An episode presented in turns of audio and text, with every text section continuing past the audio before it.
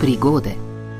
V času najdaljših počitnic, po končani srednji šoli pred začetkom študija, je imel nekega ponedeljka Jure sprejemne izpite na fakulteti. Že v nedeljo zvečer se je z avtoštopom odpravil iz Velenja proti Ljubljani. Kaj ti ne veš, kaj se ti lahko zgodi? Torej, za vsak slučaj je šel na štop že večer prej. Ustavil je nek avtomobil, vožnja je bila normalna, vozniku se je mudilo, jaz sem sedel na zadnjem sedežu in po stari cesti.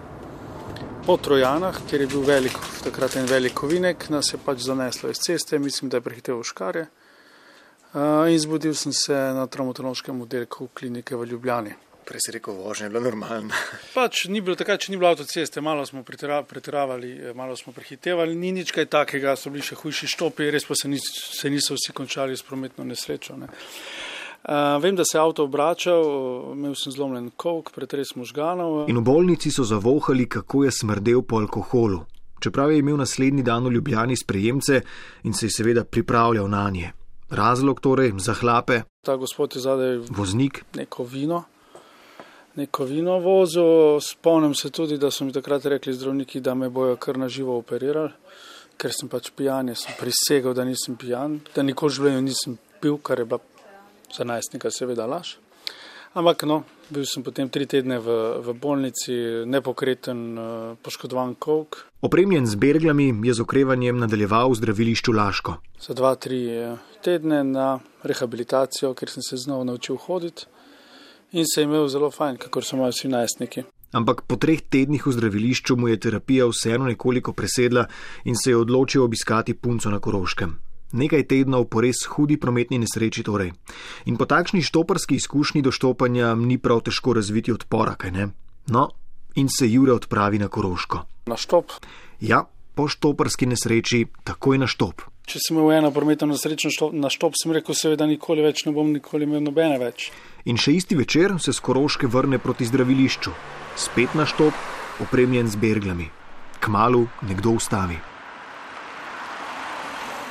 In preden sem vozniku razložil, malo me je strah, vendar le ni treba dati že v peto, če smo šele 500 metrov na cesti, je priletel nek jugo iz polske poti, voznik je zaklel, mi smo se zaleteli neposredno v jugo in potem, živo se spomnim, odleteli dol v Hruško. Po zgolj nekaj sto metrih vožnje in samo nekaj tednov od hude štoparske nesreče. Ko smo preteli v Hruško, sem skočil z avtomobila, kot da mi nič ne bi bilo in sem tekel nazaj na cesto. Jaz sem bil takrat še na bergah, nisem mogel hoditi, samo v bazenu sem lahko hodil. Tekel sem na cesto, pomagal ženski, ki je bila v tistem jugotu okrvavljena. Uh -huh. Uh, prva pomoč, adrenalin. Šele ko se zave, v kakšnem stanju v resnici je in da nima bergel. Sem padel kot pokošena tla. Prej pa sem brez težav dve minuti pomagal in dal prvo pomoč. In čez nekaj časa pridejo tudi policisti. Čudili so se, kako je lahko človek že uskrbljen, kako ima lahko Jure že bergle če pa reševalcev še ni na prizorišču nesreče. Namreč nista povezala, da sta bila dve prometni nesreči v roku petih tednov in obe na štop z istim štoparjem. Po nesreči sem seveda počakal na avtobus. Jaz se z avtobusom odpeljal v Velenje, da sem jaz doma in se pojavil pri starših, ki so mislili, da sem v bolnišnici oziroma v zdravilišču in so vprašali, kaj pa tukaj delaš. Ja, sem imel prometno nesrečo in mama mi res nekaj časa ni mogla, sploh ver, ni verjela. ja. In potem so me seveda z avtom počasi, zelo počasi odpeljali nazaj v zdravilišče v Laško, kjer sem potem bil še par dni na rehabilitaciji.